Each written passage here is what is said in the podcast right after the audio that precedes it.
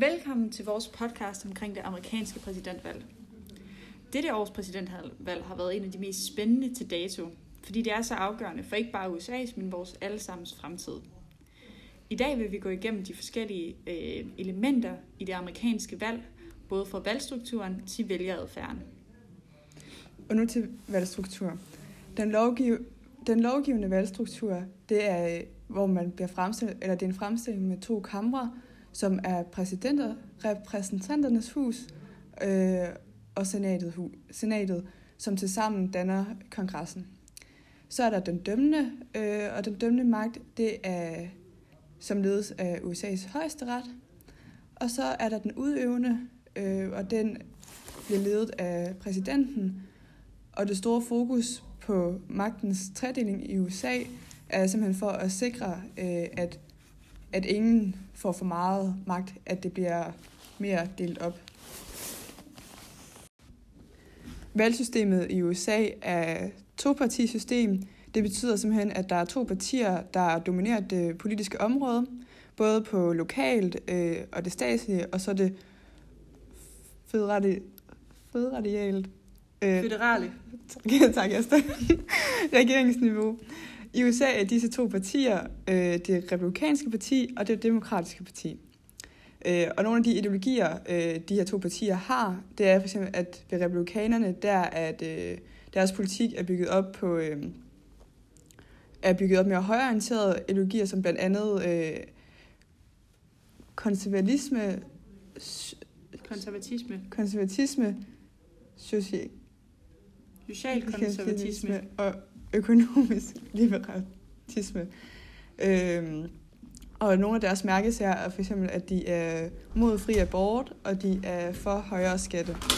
Og ved demokraterne, øh, der repræsenterer de generelt det mere venstreorienterede, altså det liberale og progressive øh, ideologiske værdier. Øh, partiet øh, advokerer dermed typisk for en st- øh, stærkere statslig indflydelse gennem øh, regulering af virksomheder og, og industrier og støtte til de amerikanske, eller mere støtte til de amerikanske borgere.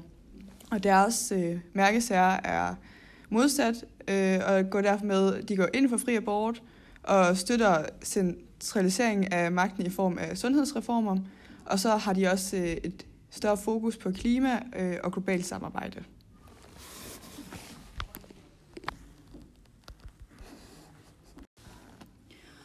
Der er forskellige sociogeografiske faktorer, der inddeler vælgerne inden for både republikanerne og demokraterne. Nogle af de sådan forskellige variabler, der er i forhold til, hvad man stemmer på, det er for eksempel, øh, der er forskel på, hvilken religion man har, hvilken social klasse man kommer fra, ens familiebaggrund, ens uddannelse, ens etnicitet, køn, alder, geografisk placering, altså om man er en by, øh, man bor i byen eller man bor på landet, og så ens økonomiske øh, altså indkomst.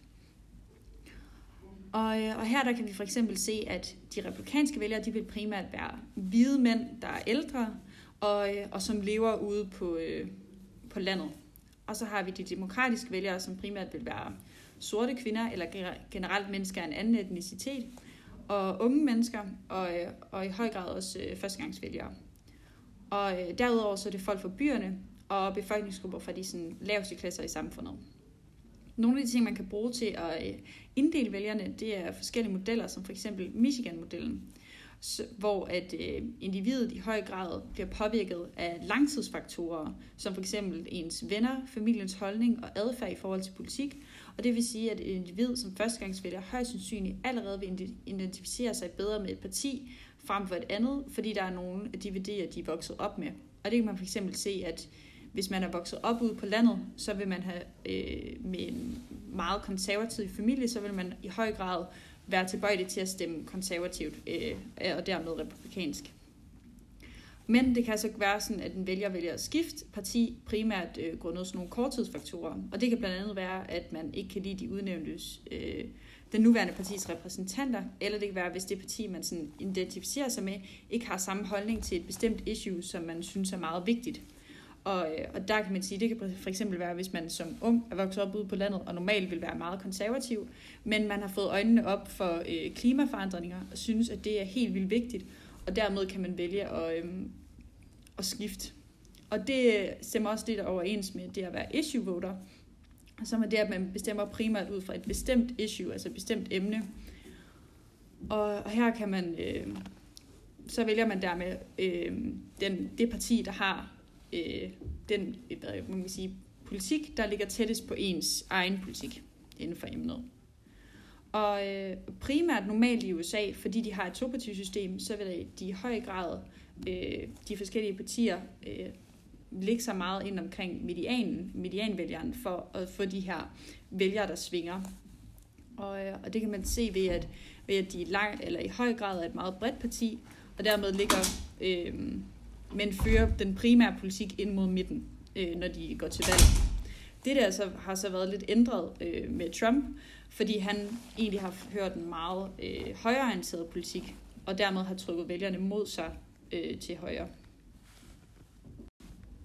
USA er i høj grad ret øh, polariseret her i nyere tid. Øh, det kan man se blandt andet ved forskellen på de forskellige øh, vælgere, som vi kiggede på for oven, omkring alder, by og land, etnicitet og køn. Og specielt også ulighed i landet.